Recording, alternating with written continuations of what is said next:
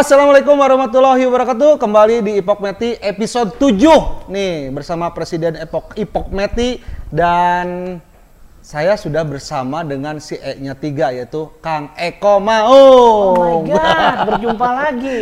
Oke Kang Eko bersama Mang Aduh. Selalu nih Kang Eko di Ipok Meti nih sama eh, diundang terus ya. Iya, diundang sebetulnya mah diundangnya tadi teka aja. Gara-gara saya bilang sama Mang Gusdul, Ah, ada informasi terbaru nih. Sebentar lagi saya sedang WhatsAppan ya sama orang yang paling relevan lah bahwa akan ada pemain asing. Hmm. Jadi ada pemain warga negara asing yang kabarnya sedang bersiap untuk memasuki wilayah Indonesia. Indonesia. Setelah dilihat sponsornya ternyata PT PBB. Nah, siapa dia? Nanti. Nanti ya. Ayo nah atunya. Iya. Tong ayeuna. Oke. Kang Eko karena eh, apa eh, Bobotoh juga banyak yang bertanya sampai sekarang ketika live di Instagram, "Mang kapan Aduh, pemain Asia?" pemain Asia. Ya, itu sa- salah satu yang ditunggu sama Bobotoh itu satu slot eh, jat kuota pemain Asia milik Persib dan sampai sekarang masih tanda tanya siapa yang akan merapat. Kalau mang ngopi heula mang. Iya dong. Karena Naon orang mah make cup didinya gelas. oh gelasnya kan hiji, kan minta kan minta ke Pak Anggara. Ah, Ah, gitu atuh.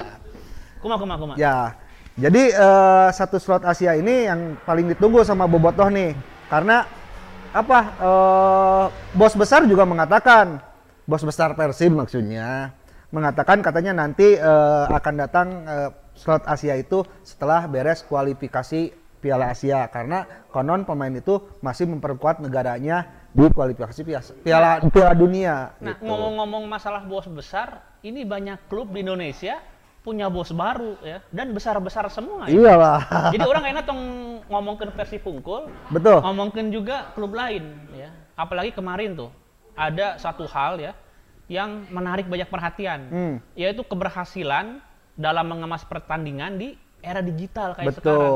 Jadi laga Arema Melawan, melawan Rans. Rans kemarin dari tiket aja itu mencapai 800 juta.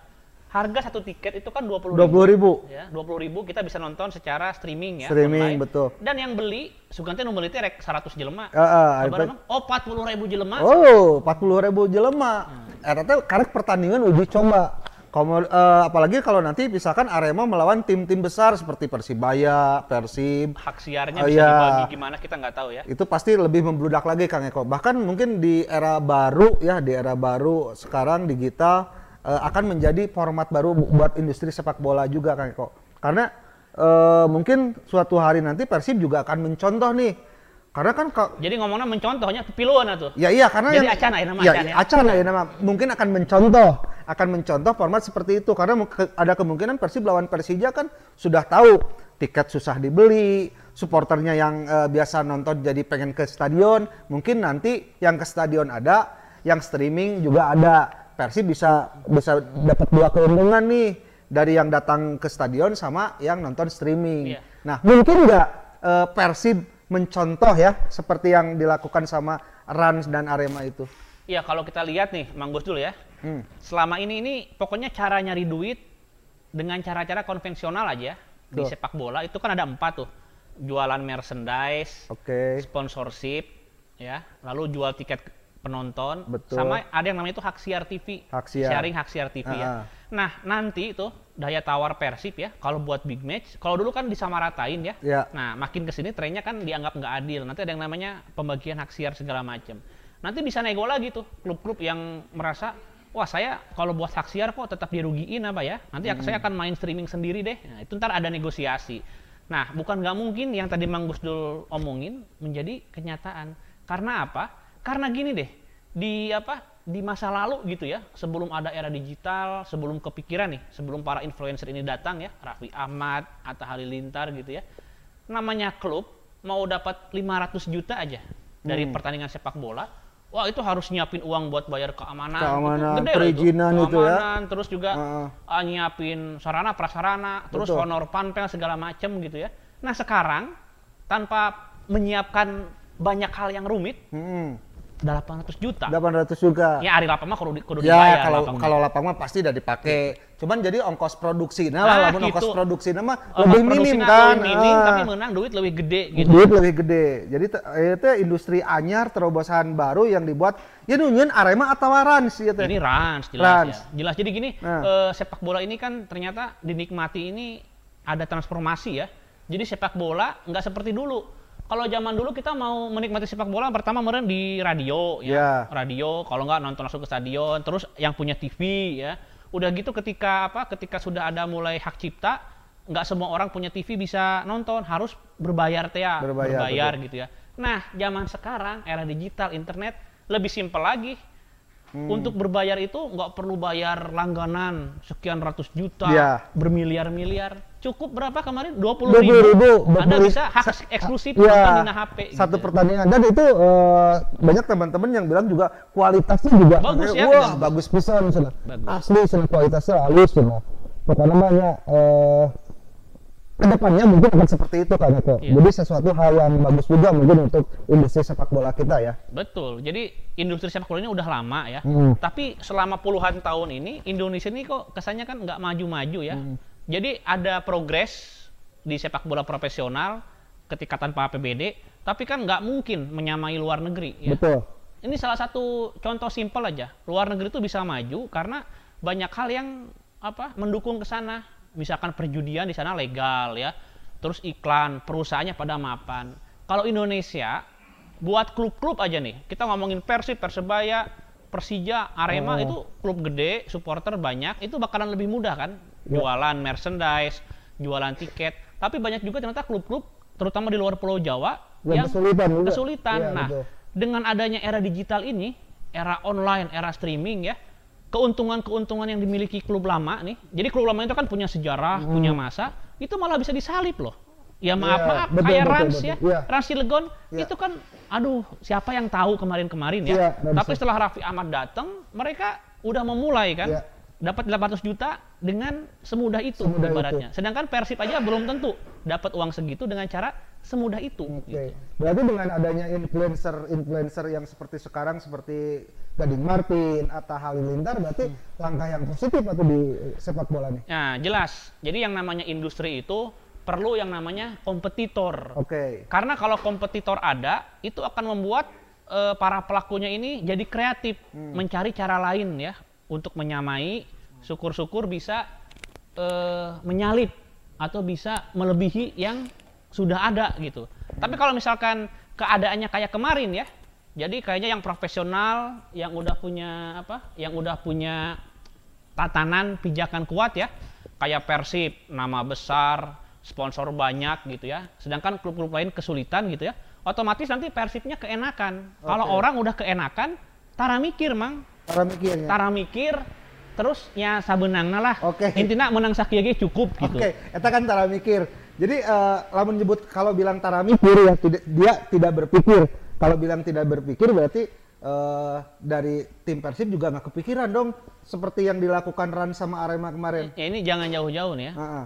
klub Persib wah legendaris Eh, juara di masa lalu segala macam fasilitas aja buat lapangan Oke. Latihan kita belum punya sendiri. Ya terlepas ya di berita sedang akan dibangun berapa Ya. hektar dah. Eueuh ayeuna mah itu can aya. ti 2018 Iya. eta. Eh, Persib boga tanah sekian Iya. hektar ek ngabangun sarana iya Iya pokoknya can Gitu. aya, Eh, ya, can can aya aya. lah. Terus mau sumbar mau sesumbar juga kesulitan kan. Oke. Karena lamun koar-koar teka teka cumponan kayak dihujat deh ku Dihujat bobotoh. deui, Tapi ya. kalau Rans ya, klub Oke. kemarin sore gitu, Raffi Ahmad datang belum ada berapa bulan udah bilang 300 miliar hanya untuk fasilitas latihan Oke, iya. gitu. Dan saya yakin itu akan terlaksana kenapa? Karena di belakang Raffi ini juga apa kapital-kapital bermodal Oke, gede gitu. Nah, kebayang nggak kalau misalkan dalam waktu dekat ya tahun ini aja tiba-tiba Rans memang benar-benar bikin lapangan buat latihan. Kalau Pati jelas udah ada Liga Ya, 2 loh. Rans Pati Liga 2 udah ada. Terus stadion di Jakarta itu selesai yang buat apa internasional. internasional milik Persija itu ya. Iya, itu kebayang nggak? Menurut saya ya, saya sebagai bobotoh Persib aja emosi, Bang. Emosi. Emosi, Tapi saya mual konvoy ngabari dogan kantor. Oh, mual. Ah. Karena ayo nama eh, rada power mah. Setelah kejadian kemarin yang kan aya CCTV. Iya. Kayak langsung ayo tem- motor si Eko tuh, Iya. plat nomor. Iya, di dia kan power. tetap pelakuna aya. Ini dia, ya? Aya aya pelakuna. Bener ya aya ya. Aya Di pelakuna video yang dia. viral aya ya. Oke, oke Kang Eko. Nah, Sarana itu kan eh, influencer istilahnya eh, membuat gebrakan-gebrakan baru. Nah, kenapa sih Persib nggak nggak kepikiran gitu eh, dari dulu? Otomatis kalau kalau bi- bilang dibilang tadi kan menco- bisa mencontoh seperti hal yang dilakukan Ran dan Arema eh, dengan eh, streaming, menjual tiket online, nonton di rumah saja, eh, handphone juga jalan kan. Nah, kenapa Persib nggak kan Persib itu orang-orang pintar ya yang di, orang-orang di Persib itu Wah, lebih pintar kan? lah. Hmm. ide-idenya juga mungkin lebih ini tapi kenapa harus ka- kalah langkah nih sama sama yang dilakukan Ran Ya mungkin gini ya, karena Hmm. Persib ini kan sebetulnya udah profesional ya. Udah on the track, Mang. Mereka punya blueprint, oke. Kan saya udah bilang orang-orang pintar tadi ya mereka udah punya core bisnis gitu ya. Jadi mereka udah kepikiran klub ini akan stabil tapi mungkin jangka panjang ya ada tahapannya. Sedangkan klub-klub lain nih klub-klub yang baru berdiri yang masih kecil mereka tuh butuh percepatan. Oke. Butuh percepatan gitu. Butuh percepatan misalkan supporter dikit. Sarana juga pas-pasan gitu ya. Nama besar belum ada. Jualan jersey juga selaku lakunya Iya, juga cuma betul. kejual berapa ratus gitu. Aya makanya laleur, eh. ya, laleur ya. laleur oge hayang kopi gajah jika nama. Iya laleur oge hayang kopi gajah jika nah nah ketika klub-klub yang biasa ya katakan kalau Persib mah udah di atas nih Ya. udah stabil udah enak gitu ya. Nah ketika klub-klub biasa ini kan butuh percepatan ya. Percepatan mereka perlu ya. Otomatis ketika ada orang yang bisa bantu bawa duit banyak punya konsep baru mereka pasti nerima. Sedangkan kalau Persib ya kalau Persib kan udah punya apa tatanan-tatanan ya tentunya kan nggak sembarangan terima misalkan Raffi Ahmad pingin bergabung beli kan nggak mungkin kalau ke Iya, Persib prosesnya juga Iya, ah, lah, ribet, lah. pasti Ah, ribet, ah. hitung-hitungannya segala macam. Makanya orang-orang influencer ini akan lebih mudah ketika mereka nge-take over ya, akuisisi apa ya klub-klub yang biasa aja gitu. Oke. Biasa aja. Berarti ti- tidak menutup kemungkinan nih, eh, andaikan misalkan Pati yang intinya Atta Halilintar dan eh, Ran eh, naik ke Liga 1 akan menjadi saingan baru nih buat Persib. Ya itu. Dalam hal eh, materi, eh, dalam hal Popularitas. juga mungkin akan jadi saingan. Persib sendiri kira-kira akan menyiapkan langkah seperti apa nih? Nah, makanya eh, kalau misalkan kita ngelihat Persib ya sama tim-tim yang lebih dulu mapan katakan ya. Itu kan ada yang namanya itu eh strategi ya, ada jangka panjang, jangka pendek. Karena Persib ini dari awal udah tahu mereka mau ngapain, bisa jadi mereka konsisten, konsisten. Tapi ketika mereka konsisten, ini bisa dicaplok gitu ya sama klub-klub yang agresif. Oke, kayak Rans, Rans, terus itu. kayak mungkin kalau Pati saya belum kepikiran ya. Terutama ini Rans saja nih Rans. Rans, tapi jangan lupa ya selain ada klub yang baru seperti Rans, ada juga klub-klub eh, yang udah dikatakan mapan dapat suntikan energi baru kayak Arema. Arema. Presidennya, Hmm. Iya, presiden presidennya direkturnya baru gitu ya. Crazy Rich Malang. Crazy Rich ya, gitu. Pak Rizky itu ya. Bahkan kemarin juga di apa di Malang itu Malang itu dapat bonus kemarin ketika menang dari Rans ya. Kemarin Ya. ada yang menjanjikan kan siapa pemenangnya dapat 200, 200 juta. juta, betul. Nah, kalau di Persib kan 200 juta itu kan dari saya itu semua Ya. saya yang bayar. gitu. Insya Allah kalau Persib menang, Nah, ya, itu saya akan kasih bonus pemain Ya. ya. Nah, makanya itu. Jadi hal-hal seperti stimulan-stimulan ya, apalagi Ah. sampai ratusan juta, nanti bisa jadi akan lebih banyak lagi. Dan ini akan beredar uang-uang itu ya. Menurut saya nggak cuma untuk klub-klub besar kan. Kalau di Persib kan ibaratnya udah ketahuan nih figur-figurnya atau tokoh-tokohnya. Tapi kalau di klub-klub yang lain itu figurnya itu masih muda. Masih muda. Masih muda tapi uangnya nggak kalah gede sama Betul. para pengusaha yang udah Oke. mapan gitu loh. Oke, ini kan kayak Rapi ataupun Atta Halilintar itu kan uang pribadi nih kan Eko yang kita tahu ya, uang pribadi yang eh, istilahnya jo- jor-joran di di klubnya di RAN ataupun eh, PSG Pati belum kelihatan nih, tapi saya yakin Atta juga akan mel- melakukan Ya. langkah sama seperti Rapi Ahmad. nesena atuh piragi 5 miliar. cenah. Nah, buat Ata kan sa- sabulan oke baru Nah, bisa. YouTube nya. sabulan, Gitu, gitu. kan. Nah, eh itu eh, menjadikan hal yang bagus nggak sih untuk persaingan di eh, sepak bola? Kalau saya sih gini, nih Hmm. saya juga pingin ngasih kabar ke apa Bobotoh ya, bahwa sementara ini ada dua golongan supporter. Supporter yang pertama ini mungkin yang idealis ya. Mereka itu yang menganggap bahwa sepak bola ini kan olahraga terhormat. Oke. Jadi cara cara main bola atau cara nyari uang di bola ini bukan seperti ini nih, bukan konten bahkan sebagian orang menganggapnya alay gitu ya, menganggap alay gitu. Itu yang kontra sama para influencer ini. Jadi mereka menganggap bahwa supporter kok eh, apa turun gitu ya, reputasinya turun dengan masuknya para influencer ini, terutama dalam men- mencari uang kok lewat konten, lewat apa gitu. Iya. Nah, ada golongan kedua. Nah, golongan kedua ini saya termasuk di dalamnya ya, bahwa golongan kedua ini melihat sebetulnya sepak bola Indonesia ini kan terus mencari bentuk ya, terus mencari bentuk dan butuh percepatan gitu, butuh inovasi segala macam. Nah, ternyata ada sekelompok anak muda influencer yang punya duit banyak dan uangnya ini perlu diingat ini yang paling penting ya. Uangnya ini uang sendiri, Uang pribadi bukan ya? uang APBD. Ibaratnya ini uang perusahaan, uang dari Ya. sponsor gitu ya. Nah, ketika mereka datang terus nggak pakai uang rakyat, nggak pakai uang APBD, ini kan berarti profesional. Iya, betul. harus kita dukung, harus kita support. Makanya kalau menurut saya nggak apa-apa gitu, nggak apa-apa. Ini hal baik untuk sepak bola kita ya. Bagaimana memonetize ya, mencari uang baru, mencari uang dengan cara baru, menghasilkan industri yang lebih banyak uang muternya tanpa melibatkan uang rakyat gitu. Dan yang paling luar biasa, kalau saya perhatikan trennya ya, ini akan membuat orang-orang yang tadinya nggak suka sepak bola nih, kayak fansnya Raffi Ahmad, Iya. nggak suka sepak bola mereka mah. Tapi gara-gara idolanya bermain di segmen bola, Oke. akhirnya mereka juga mau nggak mau ikut nonton Iya. bola gitu. Jadi menurut saya ini hal bagus ya buat industri sepak bola ya. Jadi uang akan tertarik nih, uang-uang Oke. di dunia entertainment, uang-uang mungkin di dunia apa? Eh, fans sponsor fans yang ya, itu juga, sponsor sponsor ah. yang biasanya bermain di segmen-segmen musik apa nanti ketarik ke sepak bola gitu dan yang menikmati siapa yang menikmati ya komunitas sepak bola gitu Oke, menurut jadi- saya ini bagus Bagus ya.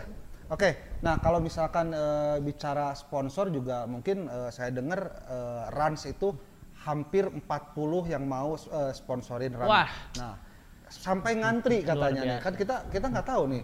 Oh, sampai biasanya kan kalau, orang bisnis itu kan ketika dia eh, berbisnis otomatis ada eh, take and get-nya buat Iya. buat satu perusahaan itu. Betul. Nah, sementara Ran kan eh, karena ada sosok Rapi di sana eh, sponsor itu berbondong-bondong ingin jadi sponsornya. Nah, Ya. kenapa sih nggak yang lain juga misalkan kan banyak bukan Rapi aja mungkin yang eh, banyak duitnya itu. betul nah makanya kan ada yang ngomong tidak ada satupun individu yang melebihi nama klub. Aya sih ya, kabuktian, Aya mah ya. Wah, kabuktian. Ayah sih, emosi si ya mah. ya. si Rafi Ahmadnya, eh si Rafi Ahmad, tong ngomong sih dia tadi ajak. Ah, Oke, buat ketua boboran nih ngomong-ngomong. Eh, Kak Rafi ya, Ya Kak itu Bang Rapi. harus diakui lebih Ah, besar ah, daripada. Cilegon menurut saya ya. Iya. Ya, Jadi memang ternyata ada nih figur-figur yang melebihi eh, reputasi klubnya ada gitu. Nah tadi ngomongin sponsor, sponsor ini kan dia bisnis. Iya, dia bisnis. Sponsorin ngeluarin duit, dia Iya. dapat apa gitu. Iya, betul. Nah selama ini bukan nggak mungkin ya dengan reputasi sepak bola kita yang masih katakanlah banyak hal miring ya. Dulu ada pengaturan skor, Hmm. Pengaturan penonton skor. rusuh, Nah, ah. liga nggak beres apa-apa kan masih nggak percaya. Jadi hal pertama yang perlu diyakinkan gitu ya, kalau kita mau datengin sponsor gitu kan kita bikin bikin proposal apa kan, si proposal tuh harus yakin ini stabil, aman gitu ya, dan saya punya keuntungan ketika saya sponsorin. Mm-hmm. Sponsorin, nah, betul. si sponsor ini bisa jadi nggak ngelihat sepak bolanya dulu, dia ngelihat figurnya dulu. Figur Oke. Raffi Ahmad udah teruji atuh. euy. Iya. Raffi Ahmad udah teruji di Apa pun yang mana-mana. diposting Iya sama dia jutaan hasil gitu ya. Ah, Ibaratnya gini Raffi Ahmad nyen konten eh naon ya ngaduruk runtah di hadapan imahna, Eh, eh. eta we ditonton ku sabaraha juta juta gitu ya. Makanya bisa jadi sponsor ini ngelihat ngelihat dulu Raffinya, mereka percaya bahwa ini akan menguntungkan, akhirnya apa pun yang dilakukan Raffi, mereka mau, mereka percaya gitu. Nah, inilah yang harus dijaga. Saya agak khawatirnya gini, para influencer ini kan masuk ke dunia sepak bola, mm-mm. tiba-tiba baru ya kan ah, baru ya. Nah, tiba-tiba itu sepak bola itu nggak stabil.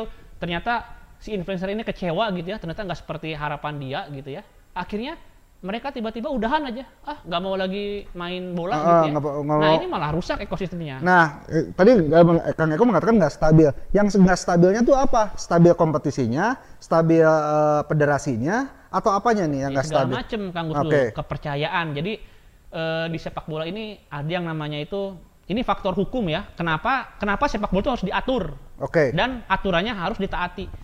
Karena di sepak bola itu ada yang namanya stabilitas ya, stabilitas, fairness ya, keadilan. Jadi kita tuh harus stabil, harus fair, justru juga harus bisa diprediksi. Jadi ada yang itu predictable ya. Hmm. Jadi jangan sampai ada industri susah diprediksi, itu ngeri.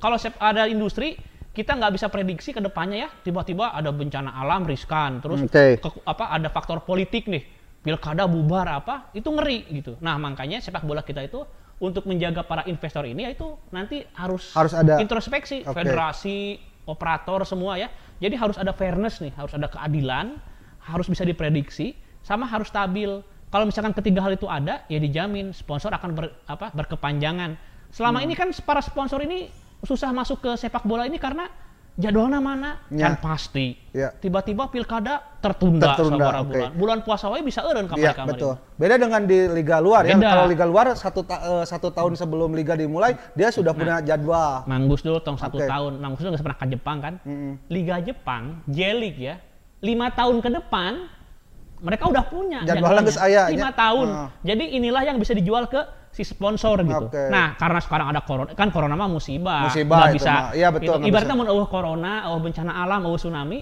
J-League itu Liga Jepang udah punya jadwal sampai lima tahun ke depan Lima tahun ke depan. kan ngeunah ka sponsor nang ngomong Ya. ah ini pak tahun 2027 ah, hari Rabu main Oke. Tokyo lawan dia gitu kan Hmm. ngeunah arena iya saya mau sponsor coba mana jadwalnya eh iya pak belum dibuat pak ya kan Ya, iya oke. Gitu. Jadi itu masih jadi masalah di, eh, selama ini di kita jadi masalahnya itu ya. iya jadi banyak hal termasuk supporter ya supporter juga harus menjaga kondusivitas ya salah satu di antaranya adalah tong pakai motor babaledogan ke kantor batur Eh. ngeri support jadi itu kan ini kan masalah brand ya sponsor Iya. tuh punya brand Uh-uh. masa nanti brand dia tuh identiknya sama perusuh kan nggak mau Iya, Gitu. betul, betul. jadi memang supporters jadi semua bertanggung jawab sih tapi yang paling tanggung jawab ya federasi, atau Federasi, kan ya. mereka Oke. apa federasi itu kan eh, yang paling bertanggung jawab ya pokoknya kia ibaratnya supporter tanggung jawab tapi paling bisa disalahkan mun aya naon PSSI Oke. gitu. Tapi kan meren eh, supporter di Indonesia juga melihat dulu federasi na ari federasi na bobrok mah nya meureun kahanapna ge bobrok. Nya,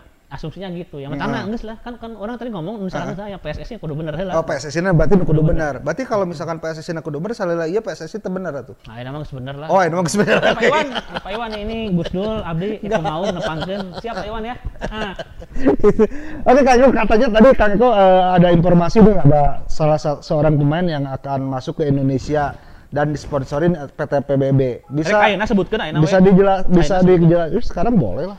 Tapi kayaknya jangan dulu, kan jangan dulu Oh. sekarang karena ada yang mau lewat nih. Kita kan disponsorin sama Gajah dong. Jadi biarkan dulu yang lewat.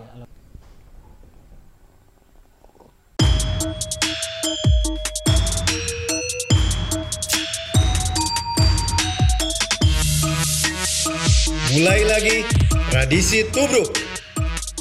Tubrukers, yo, ngopi gajah. Oke, Tubruker kembali di Ipok Meti nih, masih eh, ngobrol seru sama Kang Eko nih. Dan eh, tadi Kang Eko di awal juga eh, mau mengeluarkan nih Informasi. informasi, informasi katanya adalah salah seorang pemain yang masuk Indonesia dan disponsorin oleh PT PBB. Langsung saja Kang Eko. Ya, jadi eh, belakangan ini ada yang namanya tuh Farhat. Farhat, Farhat Abbas. Farhat lain. Oh, lain. Atau apa? Burilenko naon lah ya. Itu hoax ya. Jadi Hmm. mungkin ya namanya konten. Jadi Boboto geus leuwih pinter Oke. buat nyari sensasi. Nyari sensasi. Jadi ada satu akun medsos nyebutin itu dihakan ke kabehanana ya. Hmm. Itu enggak ya. Itu bisa dikatakan itu hoax karena sampai saat ini informasi saya iya lain dari ati lo ahiji ya Ahiji. nggak ada itu. Nah, informasi saya, sumber saya malah mengatakan ada satu orang tapi lain Asia, Lain Asia. lain Asia. Oh. Jadi kieu mangnya kudu jelas soalnya di episode kemarin udah nu ngadat. Oh. Wah si dilalajongan ke akhir. Cenah rek nyebutkeun pemain Asia. Eueuh ternyata. Ya itu kan menyebutkan Oh, oh. pemain Asia Thailand aja Oh, di urang depan kan. ngomongkeun eta. Ya. teh salah urang mah. Akhirnya orang kurang sebutkan. Tadi kan orang nyebutkan ada pemain yang bersiap-siap masuk Indonesia. Ini bener. Ada pemain bersiap-siap masuk Indonesia dan akan bermain buat Persib. Tapi lain pemain Asia, iya mah. Hmm. Pemain asal Belanda. Iya, dia adalah Jeffrey Castillion. Castillion, Nah, orang oke. kan nggak bohong ya. Iya, Jadi bener. betul. eh, Jeffrey Castillion itu eh, akan mengakhiri masa mainnya gitu ya Oke. di Como Di Como. di Como ya. Jadi Como ini kan klub seri C Liga 3 lah ya. Ya. Sekarang naik ke Liga 2. naik ke Liga 2. Liga 2. Ya seri B, seri Hmm. B ya. Tapi Jeffrey Castillion justru akan kembali ke Persib Bandung. Artinya apa? Artinya dari seluruh YouTube Per- Persiban hari ini jelas fix ya. Cuma di Bobotoh A- ID di Republik Ipokmeti ya yang memastikan bahwa kalau kemarin kan sempat simpang siur Jeffrey Castillion balik Ya, lagi. balik lagi. Jeffrey Castillion dipastikan akan balik ke Persib gitu. Oke. Oke nih, Kang Eko, kalau ngomong-ngomong Castillion Ya, udah ya. Udah Oke. clear ya. Ya udah clear ya, udah Pokoknya jadi ada pemain akan ke, ke Indonesia main di Persib ternyata Jeffrey ke Castillion. Castillion. Ka- Kang Eko nih, eh, kalau ka- kita ngomong-ngomong Castillion nih, eh Castillion di Como juga nggak pernah main nih katanya, cuman belum pernah dimainkan Siapa- satu menit. ulin piknik. Ah, jadi kan itu teh piknik atau Piknik. me- eh, iya diinjemkeun. Ada orang ge hayang ke Italia ya, Heeh. tapi temain. Teman Pemain ulin urang ulin, kan kayak dibawa ku Reportase ya? Iya, Nah, reportase ya. di Como kan. Pak Indra tadi kerapat. Iya. Tadi orang ada yang iya, rapat naon ternyata sedang mempersiapkan akomodasi. Akomodasi. Jadi akan ada reportasi dari dari eh, Italia. Da- ya, dari Como, dari- khususnya dari- liputan tentang Como. Karena nah, banyak yang nggak tahu Como itu punyanya Indonesia ya. Jadi betul. Indonesia punya klub di Serie B Liga Italia. dan Berat. kan Berat. oh nu nyaho eta teh sebenarnya mah. Nanti pokoknya kita tahu-tahu rep- Reportase di Como lah ya. aja. Ipokmeti di Como lah di sana. ngerti kayak Balajo ya pokoknya namanya. Nah, Kang Eko, efektif nggak sih eh, Persib kembali mem- eh, mem- apa, merekrut Castillion? Sementara Castillion sendiri kan eh, istilahnya di Komonya nggak pernah main, waktu di Persib juga cuman main eh, beberapa pertandingan. Sekarang balik lagi. Apakah itu karena eh, Belanda connection atau gimana? Ya bisa jadi ya. Jadi waktu Hmm. itu saya ingat betul tuh.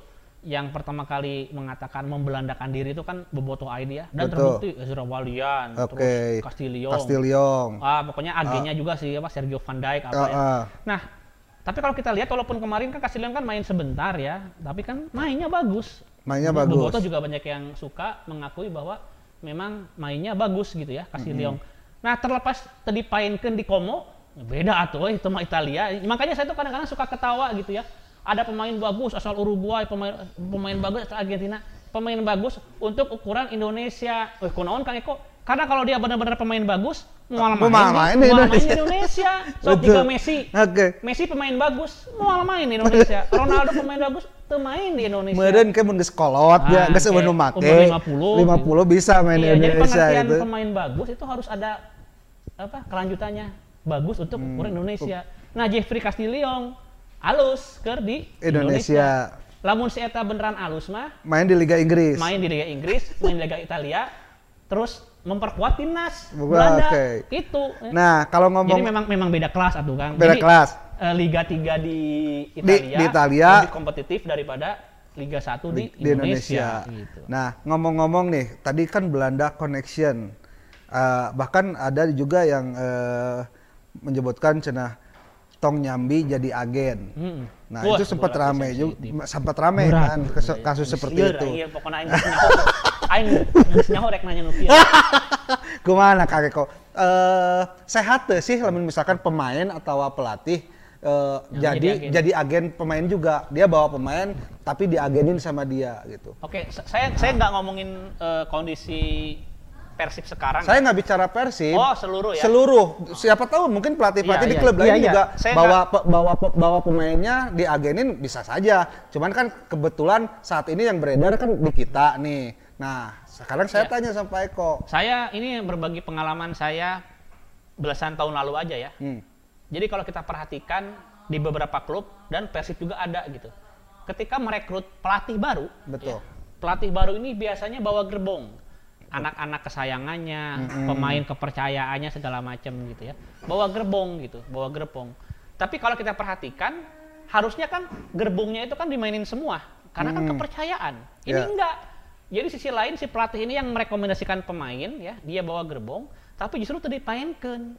Nah, akhirnya saya nanya-nanya nanya-nanya. Ada kemungkinan ya. Ini katakanlah ini asumsi tapi logis ya. Ada kemungkinan ketika si pemain ini direkomendasikan, ya meren sebagai ucapan terima kasih atau apa kan merek komisi meren ke pelatih gitu ya. Nah, dan di Indonesia ketika itu belum diatur secara tegas yang namanya komisi. Kalau sekarang mah udah ada. Jadi eh, Oke. komisi 10% dari apa itu jadi masuk masuk perhitungan klub nih. Misalkan klub mau ngambil Gus Dul nih ya. Ya. Harganya 4 miliar ya. Berarti harus ada sekian ratus juta buat agen. Itu diperhitungkan. Kalau dulu enggak. Apalagi belum kayak sekarang. Misalkan viral terus kontrak dipoto viral apa dulu mah belum ada. Belum Jadi ada. praktek seperti itu sangat lazim lah, sangat lazim. Sangat gitu. lazim. Ya, jadi ada apa? Ada pelatih direkrut. Biasanya biasanya istilah agen itu kan eh, ketika musim baru kan Iya. bawa pemain. Nah, ini mah justru yang nawar-nawarin pemain, yang rekomendasiin ini si pelatihnya gitu. Ada itu. Jadi nggak cuma di Persib tapi di semua klub lah. Ya. Berarti itu bagus enggak? Nah, kalau menurut saya gini loh. Ah. Yang namanya si pelatih ini kan punya selera ya. Dia bisa membawa gerbong rekomendasi karena memang pemainnya bagus. Yang nggak sehat itu yang tadi. Jadi dia ngerekomendasiin pemain, tapi pemain rekomendasi dia aja nggak dia mainin. Nggak dimainin. Nah, berarti bisa jadi itu cuma apa? Cuma ngambil komisinya aja. Oke. Di Persib ada perhatikan tah, kumane googling tah. Jadi ada beberapa pelatih yang bawa gerbong, tapi justru gerbongnya dia ini nggak dimainin gitu. Hmm. Nggak nggak dapat kepercayaan kan aneh ya. Ya iyalah, ngomong pastilah. sih, halus ya. Nah, Oh, tapi berarti- kok ternyata nggak dimainin. Berarti tujuannya hanya mencari uang fee aja. Bisa jadi ya. Oke, kalau misalkan kan misalkan eh, contoh nih pel- eh, pelatih di satu klub, tapi dia bawa gerbong. Nah si gerbongnya ini main di klub lain, tapi yang agennya ini si pelatih di klub A misalkan, gerbongnya main di klub B. Itu bisa jadi ada permainan juga nggak? Mm-mm. Nah ini Nah itu kan yang di yang dikhawatir. serius, Bang, Enggak, ngobrolnya. te- te- serius bang. Orang jadi khawatir. Si namun misalkan eh, terjadi hal seperti itu rawan kan, geus we elehkeun atau we kok kan bisa wae kan. itu gitu. bisa itu Nah. asumsi juga tapi Ya. logis ya. Tapi intinya gini, keagenan sekarang ini beda sama keagenan beberapa waktu lalu ya. Kalau dulu kan jadi agen pemain itu harus punya lisensi apa, sekarang mah enggak. Makanya istilah agen itu sebetulnya sekarang udah apa, udah mulai enggak terlalu sering dipakai ya. Di aturan aja, di aturan di regulasinya ya, itu nama agen itu disebut perantara sekarang. Perantara. Nah, jadi kayak Mang Gusdul, saya deket sama si pemain, kita mau nyari India klub ya, kita nggak perlu punya lisensi dari mana, nggak perlu. Kita bisa nawarin langsung, kalau cocok, jadi ya Jadi, kita dapat komisi oke. dari si pemainnya apa gitu. Jadi sekarang tuh kalau ini, kalau Boboto nih ya, masa Covid nih, Mm-mm. Boboto Covid, lo baru di PHK gitu ya, terus hayang apa hayang menang duit ratusan juta, mang, kusaba pemain bola mah kan duitnya gede, komisi lagi gede ya, pingin dapat duit ratusan juta gampang, jadilah anda eh, perantara, saya nggak nyebut agen ya, perantara bagi para pemain gitu, pemain sepak bola, anda deketin gitu ya, jalin hubungan yang baik, lalu nyari klub. Nah, kalau nyari klub juga, ya kan Indonesia, KB hayang kabagian. Betul. Jadi lamun nggak deketan klub, tong, tong manajer nah hungkul, pelatihnya deketan, oh. pengurusnya deketan. Karena ketika anda deketin manajer cocok, si pelatihnya nyaho, hmm, Ah, nggak, nggak. cocok. Oke. Tapi lawan pelatihnya, pelatihnya cocok. Cocok. Oke, siap Oke. masuknya. Jadi Ah. Boboto sekalian ini eh, info ya, Oke. Yang namanya agen sekarang nggak seketat dulu. Oke, berarti kalau gitu setiap orang bisa jong Bisa. jadi agen. As- Yang penting punya koneksi, eh, Kemampuan bicara yang kemampuan bagus, bicara kemampuan jualan yang bagus. Eh, jadi marketing yang baik gitu ya, seperti itu. Oke, saya niat jadi agen gas Agen tapi. ege hayangan tidak lain mah, iya, nah, cocok wae. Oke, oke Kang Eko, eh obrolannya seru sekali dan terima kasih. Dan yang paling penting, Apa aing geus nyebutkeun ya, pokoknya infona teu wadok teu juga episode kamari. Ya, ada emang kamari kan teu eh, teu salah. Baper kamari baru Ya kan eh, kamari kan menyebutkan pemain Asia Asia, yang cocok. Siapa? yang cocok. Bisa dari Thailand, bisa dari Jepang. Kan Iya, nggak apa-apa. Mau ieu narungguana eh, pemain Asia saha atau disebutkeun nepi ka akhir. Oh Kita gitu? di tarungguan. Oh, tenan naon ada biasa tuh gitu mah. Oke, terima kasih Kang Eko. Dur, masih ada yang kalau benar-benar pengen tahu pemain Asia, nanti kalau misalkan benar-benar udah datang, kita sebutin di Republik Epok Meti. di Ipok Meti nggak pakai Republik karena Republik itu punya tetangga. Ah, benar. Iya. Jadi guys iya naon? Guys Pak Presiden udah mengatakan ya. Jadi Ipok Meti ini bisa kerajaan, bisa republik, Bisa- federal, iya, macam-macam ya. macam-macam. Tapi kata kuncinya adalah Ipok Meti. Ipok Meti. Ini presidennya ya. Oke. Dan itu ibu negaranya mau lewat ibu? Nggak, nggak apa-apa lewat Nggak aja. apa-apa, lewat. Ya, nggak apa-apa. Ya, coba masuk dulu ke Oh, kamera. tadi teh? Eh, iya, kasih. Nungguan nih tadi Ya. Oke. Pakai visa tuh kan ini negara rep- Klasik kan di studio tinggal ayah suku lempang ngaluhur kan luar biasa. Oke, kembali di Ipok Meti. Terima kasih Kang Eko di episode 7 ini luar biasa sekali obrolannya. Terima kasih juga buat Nes Studio nih Kang Eko. Ini wah sofanya Geus rek nanya ke kamar. Oh. Oh. sofana ganti-ganti tapi angger ngeunaheun. Benar, setiap episode ganti. Eh, beres episode eh, kru ada yang mau silahkan buat di rumahnya. Bisa, Meren? datang Oh, iya, lagi. kan? Oh, iya, Di- bisa, Meren? Bawa aja nggak apa-apa. Udah izin kok saya. Oke, siap. Oke, Nes Studio terima kasih. Terima kasih juga buat Kopi Gajah yang selalu support acara Ipok Mete ini. Terima kasih untuk all crew nih. Terima kasih juga buat ini Ari Lasso. Halo, terima kasih yang hadir di sini. Terima kasih juga barusan pemanis yang lewat. Pokoknya terima oh, kasih. pantesan ayeuna mah baru nganterkeun kopi. Sugan teh nganterkeun kopi tadi teh. Terima kasih buat semuanya. Sampai ketemu lagi di episode 8 Ipok Meti bareng saya Presiden Ipok Meti. Assalamualaikum warahmatullahi wabarakatuh.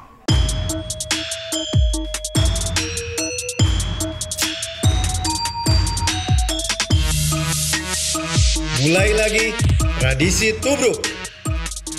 Tubrukers, yo, ngopi gajah.